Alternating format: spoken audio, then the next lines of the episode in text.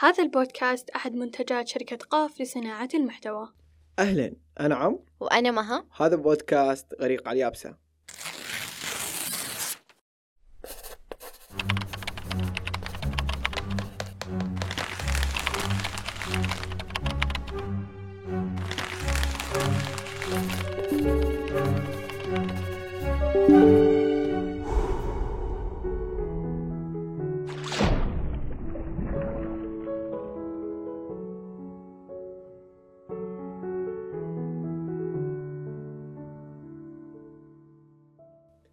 الحلقة الماضية تكلمنا أنا ومها عن مداخل الغرق وإيش ممكن يدخلنا للغرق سواء من نظرة من موقف من كلمة.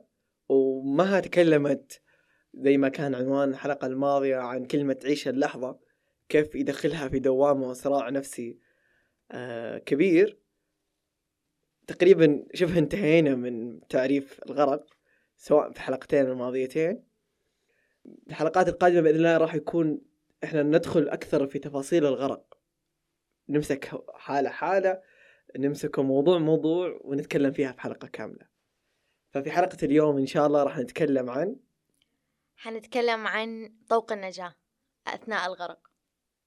واللي عجبني أكثر إنه لما بحثت عن تعريف طوق النجاة العام يعني كان جدا مشابه للشيء اللي أنا أبغى أوصله في حلقة اليوم.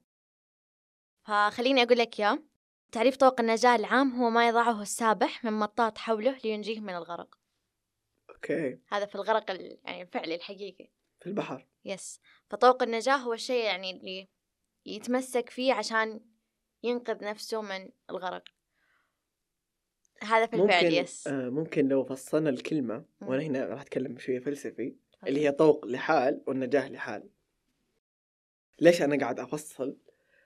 لأنه آه، غالبا ما في طوق ما ينجيك آه، اللي أبغى أوصله إنه الطوق النجاة هي تعتبر آه، كلمتين منفصلتين لكن روحيا هما كلمة واحدة. أم ممكن عادي الطوق اللي بيلتف حولك يغرقك زيادة. ما أختلف معاك. بس ليش أنا ليش أقول ليش هما جايين سوا؟ ليش ما قالوا طوق بس؟ مم. أيوة لأنه كلمة طوق ممكن تنأخذ ترى بالمعنيين. بالضبط. ممكن شيء يغرقك زيادة وممكن شيء ينجيك. هنا كان فكرتي في الكلام إنه إحنا في حلقة اليوم عن طوق النجاة. لكن في الحلقة القادمة حنتكلم عن طوق النجاة السام اللي هو طوق بدون النجاة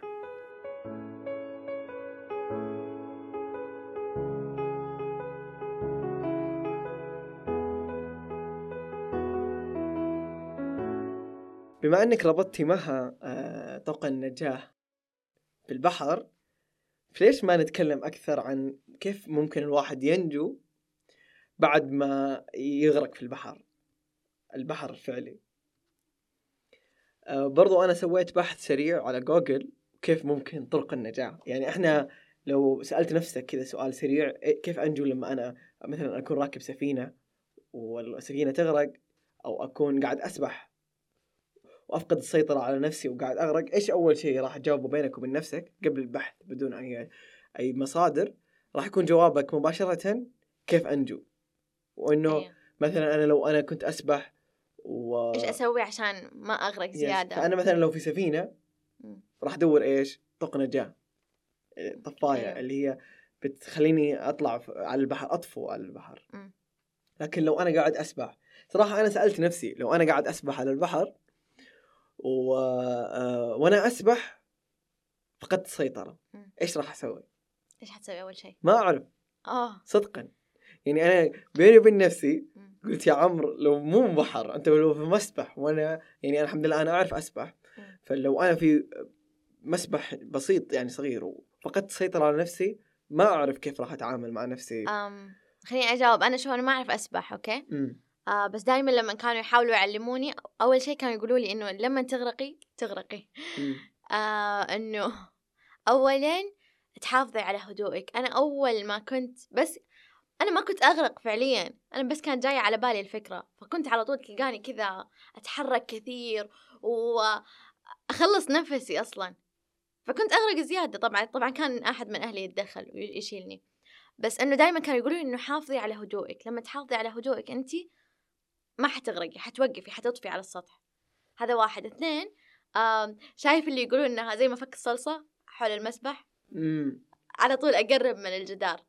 لو في جدار جنبي أحاول قد ما أقدر إني أنا أوصل له. فهذه كيف أنا أنقذ نفسي بسرعة لو غرقت؟ لو كنت في آه، مسبح، يا.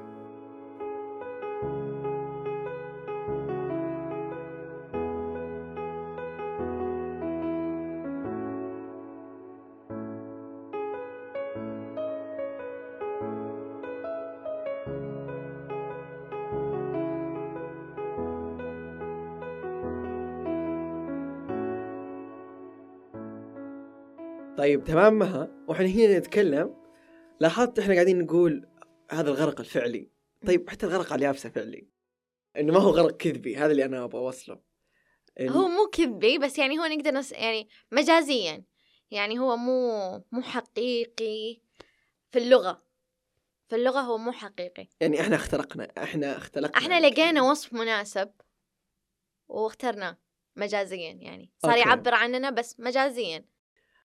زي لما أقول لك أنا طايرة من الفرح وأنا في الحقيقة ماني طايرة هل أنا طايرة فعليا؟ okay okay لا. ممكن تكون أنا إيش كان إيش كان قصدي انت فعليا مو طايرة من الفرح انت مو فوق أنا ماني في. الهواء أيوه ب- بس انت من بس أنا من جوا في الهواء فعليا انت طايرة من الفرح نعم بس فعليا اللي نقصدها اللي شيء أنا أشوفه قدامي يعني أشوف من جد ما طايرة طايرة أو واحد عرفت؟ غرقان غرقان yes. في بحر. okay كذا إحنا فصلنا كويس بالنسبة لل... لما تكون غرقان في مسبح أو في بحر وهنا وهنا أكرر إنه أنا عمرو أو ممكن في غيرك أو زي كثير اللي هم ما هم عارفين لما يغرقوا سواء في مسبح. يعني أكثر شيء ممكن كنت وأنا أفكر. جاء في بالي إنه حاول تطلع. كيف راح تطلع؟ حاول تطلع بس. في ناس ممكن يسيطر عليهم الخوف أصلا. يعني- ويموت. يا وإنه أنت أصلا يعني من كثر ما أنت خايف ما قادر أصلا تسوي خطوة. فحتقعد كذا لين ما يعني إن شاء الله يعني ما تصير لأحد. فهمتك. وهنا ممكن فيها ربط مع الغرق اللي هو اللي نتكلم عنه إحنا في برنامجنا اللي هو غرق على اليابسة. إنه أنت بردة الفعل الأولية. اللي أنت من خوفك خوفك من غرقك هذا ممكن يغرقك زيادة. هذا يدخلك في غرق إضافي. نعم. وهنا أنا أطلع بسؤال وجواب سريع. كيف أنت في البحر الفعلي اللي تكلمنا فيه أنا ومها تخرج من غرق لغرق؟ ممكن أنت في بحر يعني أنت في البحر داخل الماء تغرق دبل غرق. غرقان على البحر بالماء وغرقان فكريا. اللي أيوة. هو اللي إحنا قاعدين مين حيطلع على مين؟ أيوه. غرقان على اليابسة. مين يطغى على مين؟ أو إيش التفاصيل؟ هذا شوية صعب نح- نحددها. بس خلينا نسوي مقارنة سريعة وأنا راح أتكلم الحين عن لما أنا أغرق بعد بحثي آه، آه، إنه كيف الواحد يتعامل بعد ما يغرق لما يكون على سفينة أو على آه، أو في البحر. أو في البحر. واحد الحفاظ على النظام. طبعا هو كثير في شغلات بس أنا حاولت أختصرها. والحفاظ على النظام بيجي فيها إنك تحافظ على هدوءك تعثر على أداة للطفو. ليش؟ لأنه في أدوات كثير للطفو. في ممكن تلاقي خشبة في البحر آه، ممكن تلاقي إذا في كانت السفينة فيها عوامات ممكن تأخذ عوامة آه، اللي هو اللستك آه، أو ممكن سترة النجاة طافية النجاة في كثير شغلات. فأنت رقم واحد غرقان على السفينة. تحافظ على هدوءك؟ اثنين دور أداة آه، للنجاة. وكيف ممكن هنا نربطها مع بالغرق اللي هو على اليابسه إنه أنت لما تحس إنك أنت ده يعني إحنا قلنا في الحلقة اللي فاتت إنه أنا ممكن يدخلني في الغرق كلمة أو موقف أو نظرة. فكيف أحافظ على هدوئي أول ما أحس أول ما أدرك إن أنا غرقت في هذه الكلمة أو في النظرة؟ أحافظ على هدوئي بحيث إن أنا ما أتعمق زيادة في هذا الغرق أو ما أخلي هذا الغرق يعيق يومي. يعني أنا قلت لك أنا كلمة عيش اللحظة تغرقني. أحاول أحافظ على هدوئي بأنه ما خلاص ركزي في اللحظة. لا تقعدي تفكري في اللحظة. إنه سوي خلاص من غير تفكير. تعايشي؟ مو تعايشي قد ما تجاهلي. فإنه أحافظ على هدوئي وإنه أفكاري ما تكون توترني زيادة. عرفت؟ حلو.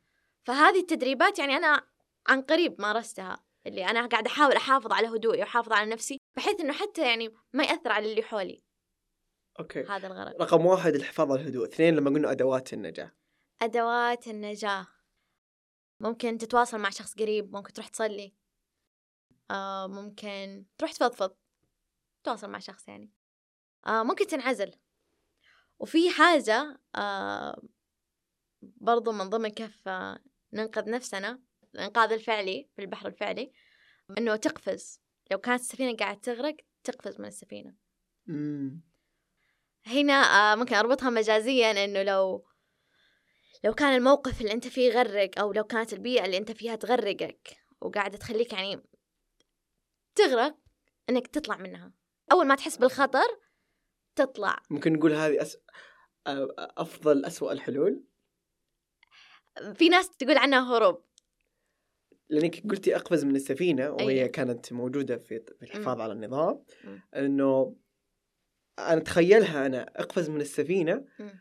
أنت لو قعدت فوق السفينة ممكن تنفجر السفينة وما راح تموت غرق راح تموت من الانفجار آه في ناس يمكن أنا كنت منهم ما كنت أقفز بحجة إنه لا لازم تواجهي الغرق وممكن أنت تنقذي السفينة عارف دور البطل هذا وتشيل نفسك حمل وبنقذ اللي معايا ومدري إيش. أحيانا اللي معاك أصلا ما يكونوا قاعدين يحاولوا إنهم ينقذوا نفسهم فتيجي أنت كمان. يعني عمرك ما حتنقذ شخص ما يبغى إنه يتم إنقاذه. فممكن يغرقك زيادة. فخلاص صحيح. أنت أنجو بنفسك مو في كل الحالات طبعا والذكاء و... اللي نكتسبه إحنا مع التجارب هو متى نعرف أقفز ولا أقعد أنقذ. أو متى متى أخسر. اتذكر آه، قالها الشاعر تميم البرغوثي. بعض المعارك في خسرانها شرف من عاد منتصرا في مثلها انهزم آه، أو أنا أربطها هنا في الغرق لأنه أنت لما انتصرت مثلا وأنت ما قفزت من السفينة مم. ممكن تخسر أشياء كثير. صح. فأنت لا اخسر هذه الانتصار ذكرتني بحاجة. آه في مرة أنا كنت أظن إني أنا يعني قاعدة وقاعدة يعني قاعدة أنتصر. أخذ مني وقت كثير أصلا يعني ذيك التجربة أخذت مني وقت كثير. وكنت أنا يعني مشغولة بفكرة الانتصار إني أنا لا بقعد وأبغى أواجه ومدري إيش. بعد ما خلصت التجربة عرفت اللي كذا طالعت في نفسي لقيت إنه قعدت أفكر أنا ضيعت نفسي ضيعت جزء كبير من نفسي خسرت جزء كبير من نفسي في هذيك التجربة. اللي أنا كنت أحاول أنقذ فيها شخص ما كان يبغى إنه يتم إنقاذه. فخسرت نفسي خسرت يعني جزء كبير منها وللآن أنا قاعدة أحاول أرجع ذاك الجزء بس يعني دائما يجيب طاري الشعراء برضو محمود درويش يقول إنه هي مرة بالعمر تأتي بغزارة.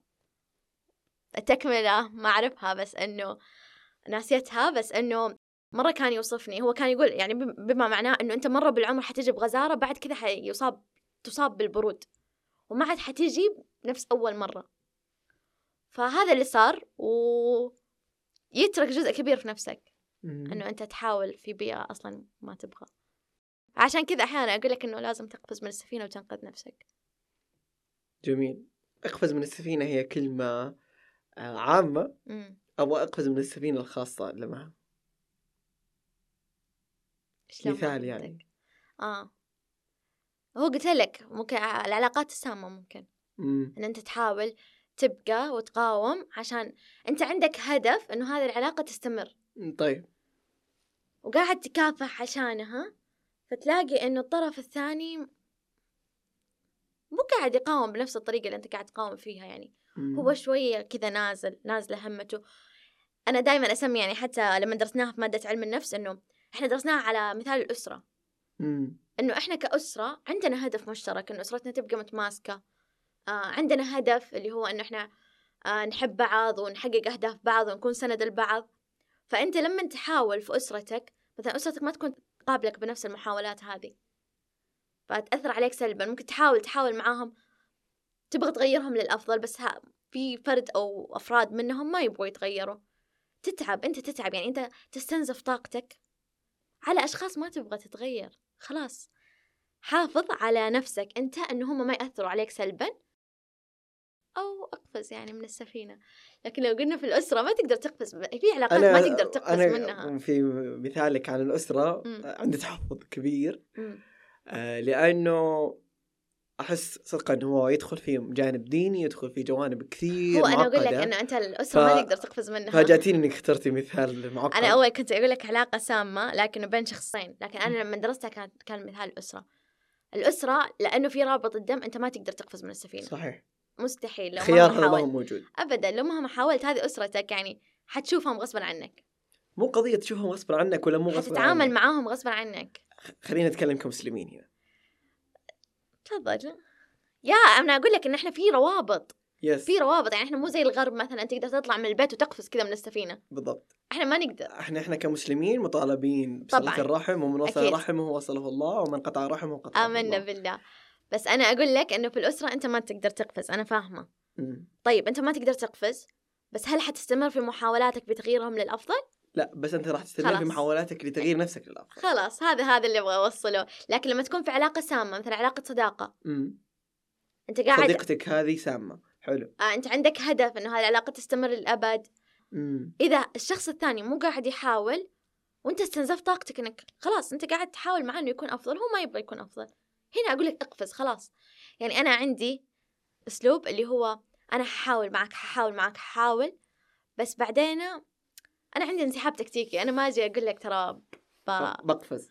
أيوه ما أجي أقول لك ترى بقفز من السفينة. أنت حتلاحظ إن أنا قفزت أصلا yes منذ زمن. وهنا هنا سؤالي انه هنا details أكثر شوي تفصيل أكثر. تفضل.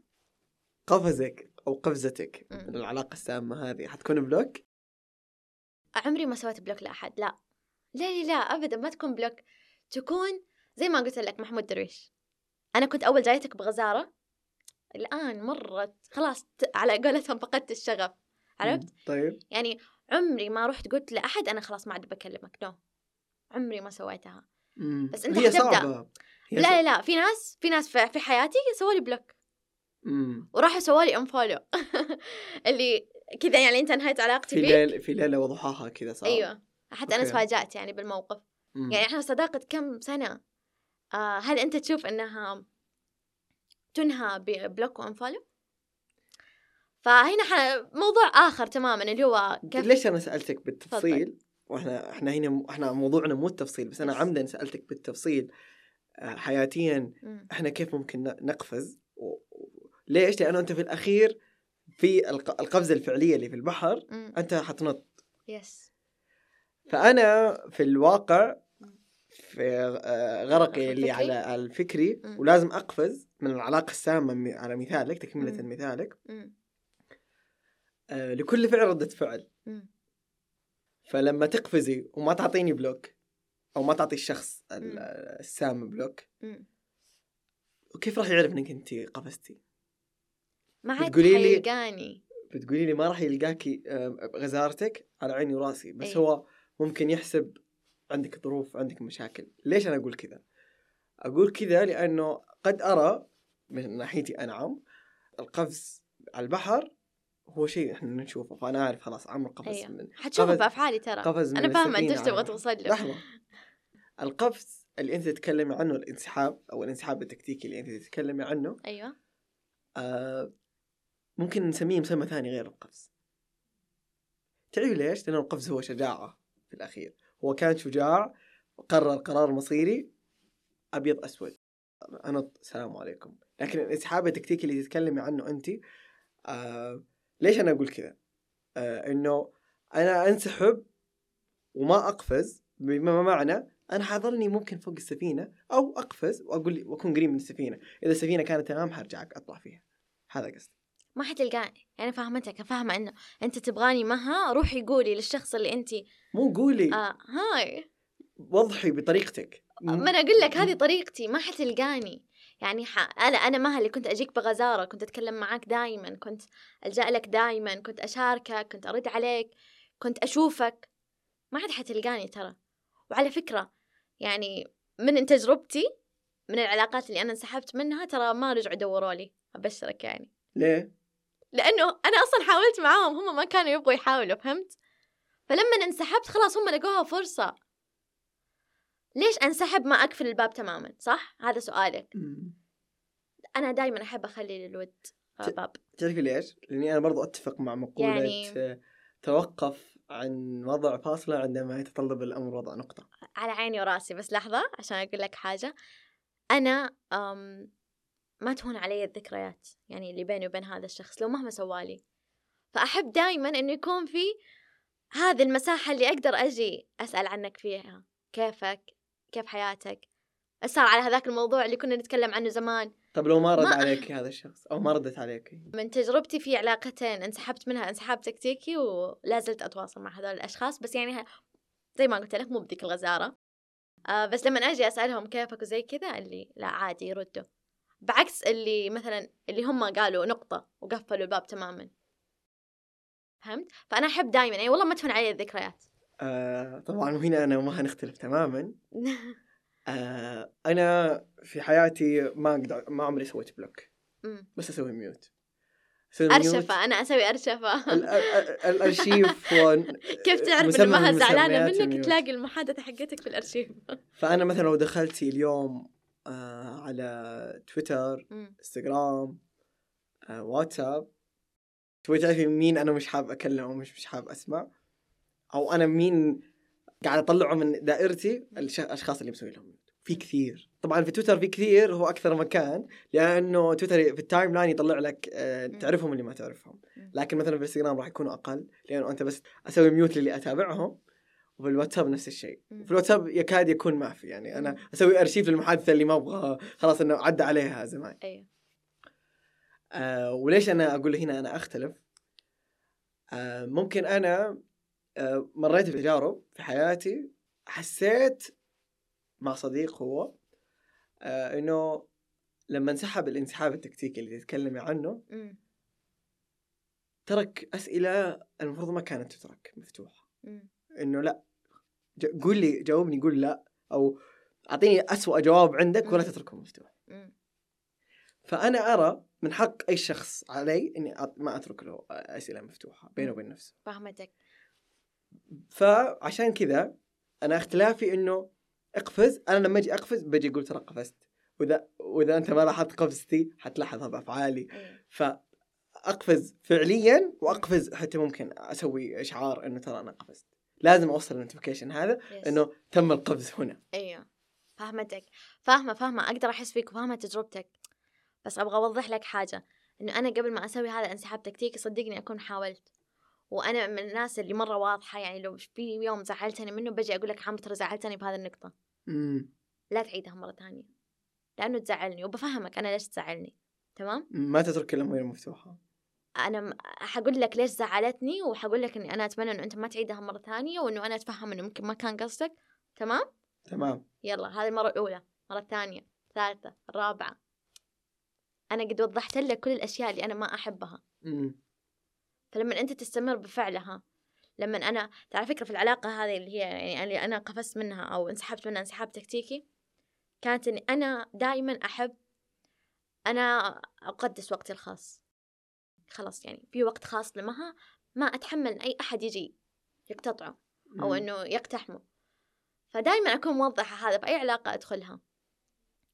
وضحت مرة اثنين ثلاثة أربعة لا خلاص يعني أنا كم مرة قلت؟ فأنا لما أجي أنسحب انسحاب تكتيكي لو أنت ما فهمت أنا ليش انسحبت فهذه مشكلتك لأن أنا 600 مرة قلت عرفت؟ حلو. فيس أنا فاهمة أنا مرة انسحب علي انسحاب تكتيكي. على فكرة هذا موضوع الحلقة اللي الجاية إنه كيف لما تدخل في علاقة سامة لأول مرة بعدها بفترة تلاقيك تتحول للشخص السام هذا؟ ماذا لو كنت أنت السام؟ بالضبط. هذا هذا موضوع حلقتنا الجاية بس عشان يعني ما نطول هذه الفقرة وأنت تتكلم عن الانسحاب التكتيكي على القفز من السفينة ممكن ما يكون من علاقة على فكرة. ممكن يكون من بيئة. يعني أنا أول يس. مصطلح جاء في بالي اللي هو مصطلح الاستقالة الصامتة. لما أنت تكون في بيئة وظيفية أو قاعد تحترق وظيفيا وما عندك ذيك الجرأة أنك أنت تستقيل لسبب ما سواء عشان الراتب أو عشان ليش يعني أنا أخرب نظام حياتي الحين؟ ما في يعني ما في بديل آخر. فتبدأ هنا في ناس ويمكن أنا مريت بهذه التجربة اللي هي الاستقالة الصامتة. أنا حاليا ما أبغى أتخذ أي قرار. بس ما حتلقاني مع اللي مع الموظفة اللي زي أول. ما هي اللي بال... كانت بغزارة بكذا. يا مع الموظفة اللي زي أول. حتلاقيني مرة يعني على الصامت فعلا. يعني أنا مستقيلة من جوا ترى. تبغى تفهم أفهم. تبغى تطردني أنا أفضل إنه يكون طرد منك مم. برجع لسؤال أخير نختم في هذا المحور. مم. بناء على اللي قاله محمود درويش. اللي هو مرة واحدة في العمر يندفع المرء بغزارة من بعدها يصاب بالبرود نحو كل شيء وللأبد. مم. محمود درويش قال مرة واحدة في العمر يندفع المرء بغزارة. سؤالي لمها أنت اندفعتي لسين من الناس بغزارة آه، وانسحبتي انسحاب تكتيكي. هل السين هذا نفسه ممكن تندفع بغزارة مرة أخرى مرة ثالثة ومرة رابعة ولا مرة واحدة؟ تجاه نفس الشخص؟ نعم نفس الشخص. نفس الشخص أرجع له مرة ثانية بغزاره أيوه. هل ممكن؟ هو شوف أنا آمنت بالله إنه ما في شيء مستحيل. جميل. بس إذا أنت تقصد يعني نفس البيئة مثلا السامة ونفس الشخص السام أرجع مع اختلاف. الظروف. أنا مؤمنة إنه أنا ما أقدر أمحي تجاربي الشخصية. ما أقدر أمحيها. مستحيل. لو إيش ما تسوي مستحيل تنسيني. إيش. صار؟ ما عندك فرصة ثانية. لا لا. عندي فرصة ثانية. بعطيك إياها بس ما حكون بنفس الغزارة عرفت؟ لأنه أنا عندي تجربة سابقة. يعني ولا ليش التجارب تعلمنا؟ يعني أنا مستحيل أجيك زي مها اللي أول مرة دخلت هذا المكان. حماس وحب. لا أنا شفت شفت آه أشياء كثيرة في شركة. سين. فمستحيل إنك تقدر تمحيها تماما. حتبقى أثرها حيبقى بس حيبقى اللي أنا أت... يعني ممكن أنا أندفع بغزارة بس بحذر ذي المرة. وغالبا لا. يعني شوف أنا كنت في بيئة آه سامة استنزفتني تمام؟ وفي كل مرة كنت أقول خلاص بستقيل منها. كانوا مثلا يرقوني يزيدوا في الراتب عرفت اللي يتمسكوا فيني كنت أقول يلا هذه المرة يغيرون المسمى الوظيفي يغيرون وظيفتي ما يبغون يطلع. ف أكون أول شهر أوكي يلا يلا نجرب خلاص نعطيهم فرصة ثانية آه بس بعدها بشهر أحس إنه هم بس سكنوني هم ما قتلوا الألم للأبد لا هم بس كان تسكين وأرجع لنفس. الاحتراق الوظيفي اللي. فيني فلا هو إذا أنت قصدك أندفع مرة ثانية المكان مختلف؟ يعني شركة جيم؟ ممكن. أيوه ليش لا. ممكن تكون أكثر. غزارة في شركة جيم أكثر من اللي كانت قبل. ممكن إيوه. لو حسيت إنه هي يعني تستحق هذه الغزارة. yes و- وأنا هنا مم. بروح لشركة جيم. okay. ما ح- حترك شركة جيم. حلو. يلا. رحنا لشركة جيم. رحتي لشركة جيم واندفعتي بغزارة أكثر من السابق بس still الحذر موجود. أيوه. حذر الأخطاء اللي صارت مع شركة جيم. نعم. حلو. جميل. كذا آم، ما تحرم نفسك من المتعة والجهد في العمل وعطائه بس في نفس الوقت أنت حامي نفسك. وذي فائده التجارب. يعني حتى في العلاقات الإنسانية. يعني أنا في مرة في شخص قال لي إنه أنا غير عن الناس لا تقارنيني بالناس لا تقارنيني بعلاقاتك السابقة. يا إنسان افهمني أنا مو قاعدة أقارن بعلاقاتي السابقة. أنا إنسانة مريت أقدر ومن. حقي أحمي نفسي وأحمي قلبي وأحمي مشاعري. ترى استنزاف طاقات. وصرت. يعني أتعامل بحذر في مشاعري. زي ما قلنا اندفعت مرة بغزاره وكان الاندفاع في يعني في أشخاص ما تستحق هذه الغزارة. حرام والله حرام. ما تهون علي لا مشاعري ولا ذكرياتي. تعز علي مرة. فلما أجي أدخل في علاقات إنسانية أخرى جديدة حدخل بس بحذر. مو بذاك الحماس الأولي لا بحذر. زي ما قلت الحذر اللي يحميني بس في نفس الوقت ما يحرمني إني أنا أستمتع بالتجربة وإني أنا أعطي نفسي فرصة ثانية مع أشخاص ممكن تستحق. يعني ممكن أنت تدخل في العلاقة وتكتشف إنهم لا حرام والله كانوا يستحقوا وهنا أتوقع الكلام اللي قاعدة تقوليه هو تعريف النضج إنك أنت تصير ناضج.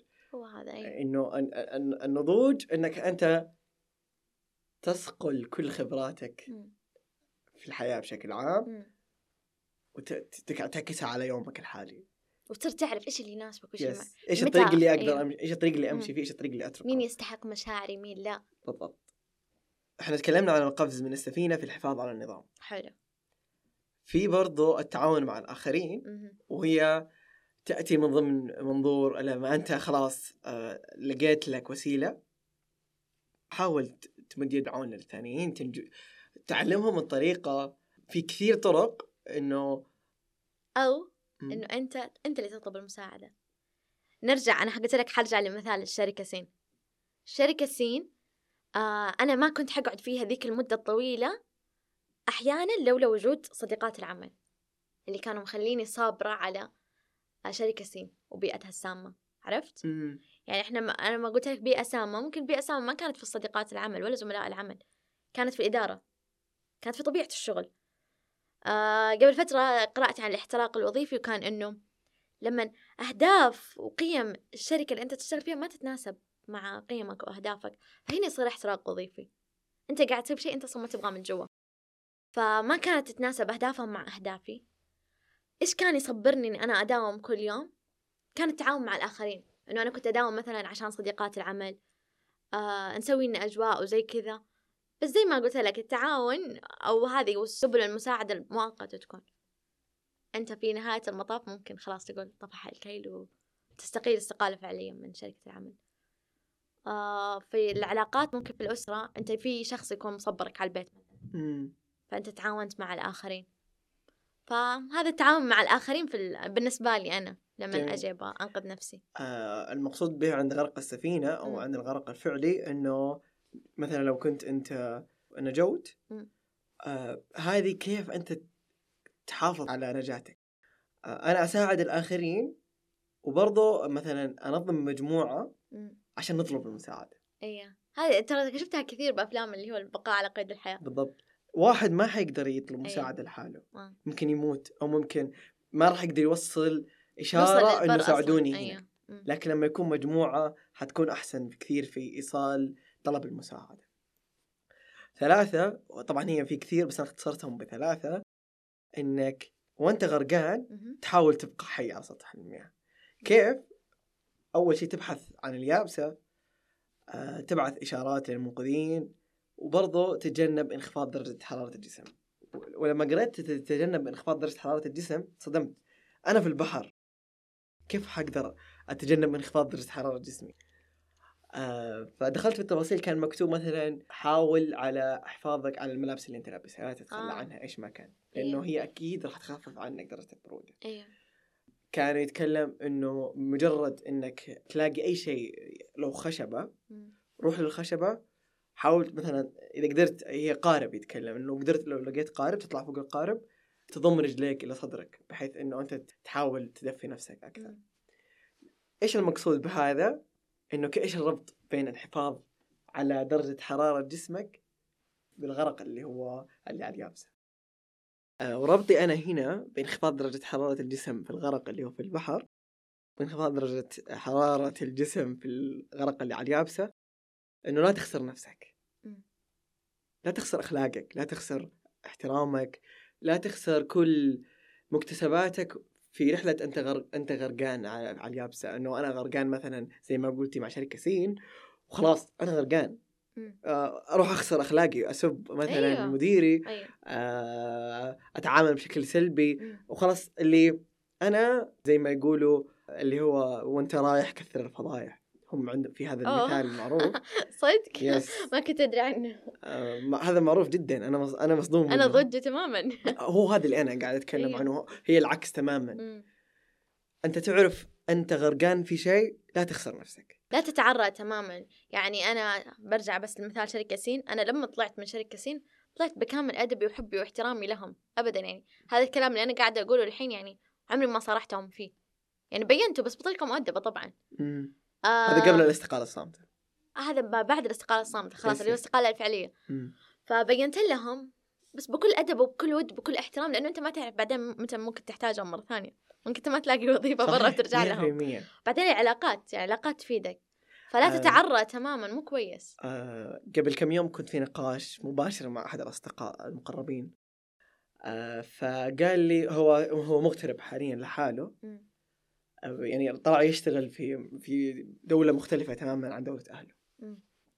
فأكت... فأكتسب صديق معاه في الدوام. والصديق هذا زي ممكن أي حالة وهذه حالة جدا عادية. إنه زي ما يقولوا جدا آه، صار آه، ملتصق فيه. ملتصق فيه بشكل سيء يعني 24 ساعة أو يبغى يتواصل معاه. لازم نتقابل كثير لازم طيب. نطلع كثير. ورابط نفسه رابط, رابط, رابط نفسه بحياة بعض بشكل سلبي. أيوه. فيقول أنا تحملته تحملته. تحملته. خلاص. انفجرت أعطيته blockات من كل مكان. آه. يقول أعطيته blockات من كل مكان. هذه هو بتكون صدمة حياته للشخص الثاني. yes يقول إحنا في نفس الشركة بنفس أيوه. القسم. هو لاحظ إن أعطيته blockات ما عاد صرنا نسلم على بعض. بصمت هذا كله بصمت. yes. فرجعت له قلت له محمد. آم، آه أنا أنا أنا أختلف معك هنا. ال mute هو الحل هنا مش ال block قال لي ليش؟ قلت له بكرة أنتم في قسم واحد. بكرة لو احتجتوا في شيء صدقني لو إيش ما راح يساعدك. يعني in general يعني أتكلم. أيوه. لأنه أنت قدمت بشكل سلبي. فالطبيعي إنك لما تقدم لواحد بشكل سلبي حيكون مردوده مردوده لك بشكل سلبي. فقلت له أنت خذها من جانب إنساني أن ال block جدا تأثيره سيء خذها من جانب لنفسك. بعدين عرفت اللي فجأة كذا. يس قلت خذها من الجانبين إنه انسانيا أنا ما أبغى أجرح الشخص الثاني بشكل سلبي حتى لو هو قاعد يضرني. عادي قدر وممكن توصل أنت يا لحلول إنه أنت ترى مزعج. آه ثانيا أنت ما تعرف إيش المصالح اللي بينك وبينه بكرة. في أهداف مشتركة على فكرة. بالضبط. هو غصبا عنه شاء أو أبى حيتواصل معه. لأنه إحنا في شركة واحدة. صحيح. من بداية الحلقة للآن وإحنا نتكلم عن البلوك والأرشيف والميوت وكذا وأنا في قلبي يعني ما من هذا الموضوع. آه كارهة فكرة أن تختزل انفصال علاقاتنا في هذه الأمور. صحيح. بنقره للأسف. يا جماعة آه، في ذكريات في عشرة في عيش وملح بعيدا عن النقرة هذه يعني كيف بنقرة بكل بساطة تنهي علاقة؟ تعرفي ليش؟ أتخيلها أنا ليش؟ من منظوري لأنه صارت تبنى علاقات بنقرة. بفلو هنا عندنا مشكلة كبيرة. yes وأنا هنا أتكلم عن علاقات ال social media. إنه ممكن وترى في علاقات ناجحة كثير. كثير كثير. إنه أتفق. من follow تعرفوا على بعض وبنوا شركة مثلا. من follow صار بينهم شغل حلو. من follow صاروا يفيدوا بعض لو حتى كيف حالك الحمد لله. بشكل إيجابي في حياة بعض هذا هذول كانوا كانوا اونلاين تع- تعرفهم كان اونلاين صح؟ online yes okay لكن أنا أتكلم عن اللي تعرفهم كان face to face بس أنت ما تقدر تفصل ليش؟ لأنه صار ال social media جزء من حياتنا اليوم تعرفي ليش؟ لو أنا وأنت أنا غاضبة من هذا الاختزال؟ الصراحة لأنه اليوم لو إحنا اثنين أصدقاء. آه، مثلا أنا ومحمد وأنا محمد على أرض الواقع كثير أصدقاء وإحنا مو في حياة بعض في ال social media مثلا هو عنده حسابه وما هو مسوي لي follow ما راح أعتبره صديق قوي أو هو ما راح يعتبرني صديق قوي. عادي أنا أهلي كلهم سويت لهم hide لحظة. وعادي معاهم زي الفل. أنا أتكلم إنه صار من ضمن دخل من ضمن آه معايير الصداقة القوية إنه إنه إحنا في حياة. بعض. مو بس follow ممكن لو أنت عندك private story لازم, لازم تدخلني. فيه. إذا إذا أنا ماني في ال private story معناته أنا مو صديق مقرب مني أحس إنه ما له دخل وأحس إنه مشكلة إن إحنا قاعدين نربطها ببعض. عادي يعني أنا أنا أنا كمها آه ما أحب إنه الأشخاص اللي حقابلهم يوميا يكونوا في حياتي على ال social media أحب 100%. أفصلها تماما. آه وهنا هنا حتكون أنت لما تيجي تحاول تسيطر أنتم يا أصدقائي المقربين ولازم تكونوا حولي 24 ساعة في كل بالضبط مكان. هذا هو. جدا صعب. أنا أنا أتكلم عن تجربتي الشخصية. آه في أصدقاء لسه أمس كنت طالع مع أصدقاء. هذول مثلا ما هم موجودين عندي في في ال social media كلهم. مع إنهم هم عندهم social media طيب. ممكن موجودين عندي في منصات مو. أريح كذا؟ أريح بكثير. طيب. بكثير لدرجة أنا تصير في حياتي شغلات هم ما يعرفوها لأنهم ما هم موجودين عندي في هذه المنصات هم يصير في حياتهم شغلات ما أنا ما أعرفها. لما نتقابل ممكن نتكلم عنها وممكن ما نتكلم عنها نتفاجأ فيها. حلو. طيب ما هي هذه الفكرة اللي أنا أبغى أوصلها؟ ما دام بيننا علاقة ترى مو شرط العلاقة إن أنا أسوي لك follow كل الصفحات. ما هو بالضبط. ما هو عقد هو. yes ما هو عقد. ليش تصعبون المية. الأمور؟ الشغلة الثانية إنه أنا أتوقع إنه إحنا حابين هذه السيطرة. سيطره اني أنا أقدر أمحيك من حياتي بنقرة. امم ترى لو بيننا علاقة على على الصعيد الشخصي face to face حتواجه صعوبة في إنك أنت تمحيني من وجود يعني صديقك هذا اللي آه، سوى block لزميله في العمل عمره ما حيقدر يمحيه إلا لما يستقيل من الشركة. وم- واحتمال كمان يستقيل من الشركة يروح شركة ثانية ويلاقيه بعد. أو أو ممكن يتو... يتكلم بشكل مباشر إنه خلاص انهي العلاقة اللي بيني وبينك. في الحياة الواقعية ما في شيء اسمه block يعني ما في ضغطة زر أقدر أمحيك من آه، قدامي. خليني أكون صريح. في طفولتي. أتذكرها في. طفولتي في ثاني ثالث ابتدائي. آه واجهت block حقيقي آه، كنت آه، بعد نهاية المدرسة أطلع مع في كذا زي جارنا. يوصلنا أنا وأخوي يعني. وعياله طيب فمثلا كان لما تصير كثير مشاكل مثلا بيني وبين ولده. فكنا كثير مشاكل فكنا نعطي نفسنا نعطي بعض بلوكات مرة كثير كأطفال يعني إنه؟ خلاص أنت مزعل اليوم ما في كلام. آه. أنت لا تكلمني ولا تكلمني ولا أكلمك لا أعرفك ولا تعرفني. حرفيا يعدي أسبوع نركب نفس السيارة. في الروحة وفي الرجعة أيوه. صفر كلام. غير مرئيين لبعض. صفر. و... لا أنا شايف ولا هو شايفني. هذه أنا ممكن كمان أقيسها على نفسي بس ما توقعت إنها في يوم من الأيام حتكون زي البلوك. آه أنا زي كذا يعني لما شفت لما قلت لك انسحب انسحاب تكتيكي؟ مم. آه ممكن لما اقابلك ما اشوفك. ترى أنا الاشخاص اللي ما احبهم ما طالع فيهم. ما اكون شايفتهم ابدا. خلاص يعني اكون ولا كأنك في المكان ما أقدر اطالع في عيونك. ما أقدر. لو تسألني إيش كان فلان لابس فلان اللي أنا ما يعني أعطيني. أنا انسحبتي منه انسحبتي. مستحيل ما حقول لك. ما أقدر اطالع فيه. ف ممكن هذا يكون block بس ما- مو زي ال block اللي في ال social media طبعا اللي هو اختفاء تام من لحياتك على ال social media.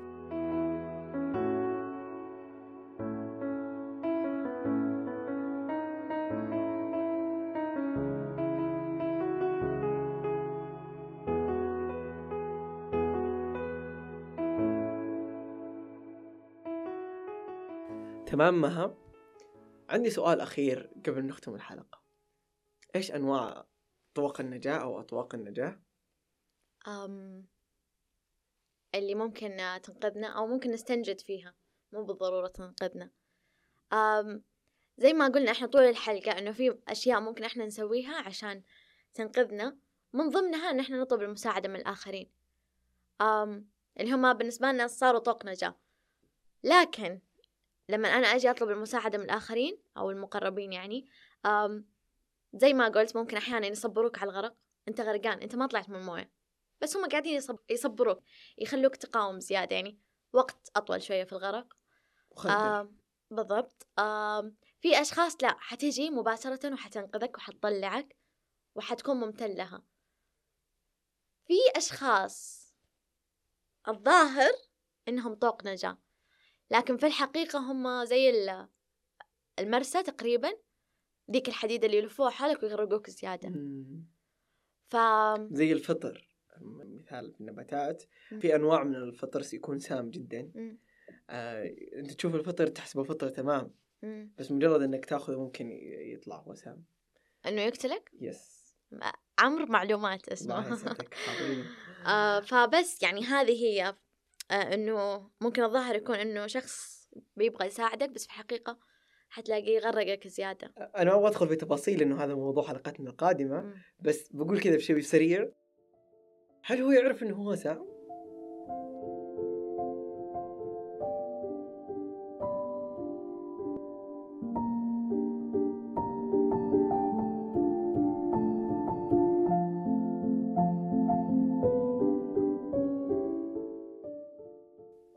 اللي وصلوا هنا هم يسمعونا. شكرا جزيلا لكم ممتنين جدا. وما والله ما نستغني تماما عن آرائكم ومقترحاتكم لغريق على اليابسة. أنتم جزء كبير جدا من غريق على اليابسة. آه في عندنا حلقة الإستضافة دا زي ما هو دائما. آه راح يكون في لينك في مواقع التواصل الاجتماعي. من خلالها تقدروا تسجلوا وتكونوا ضيف نتكلم أكثر عن طوق النجاح شكرا ما. شكرا عمرو.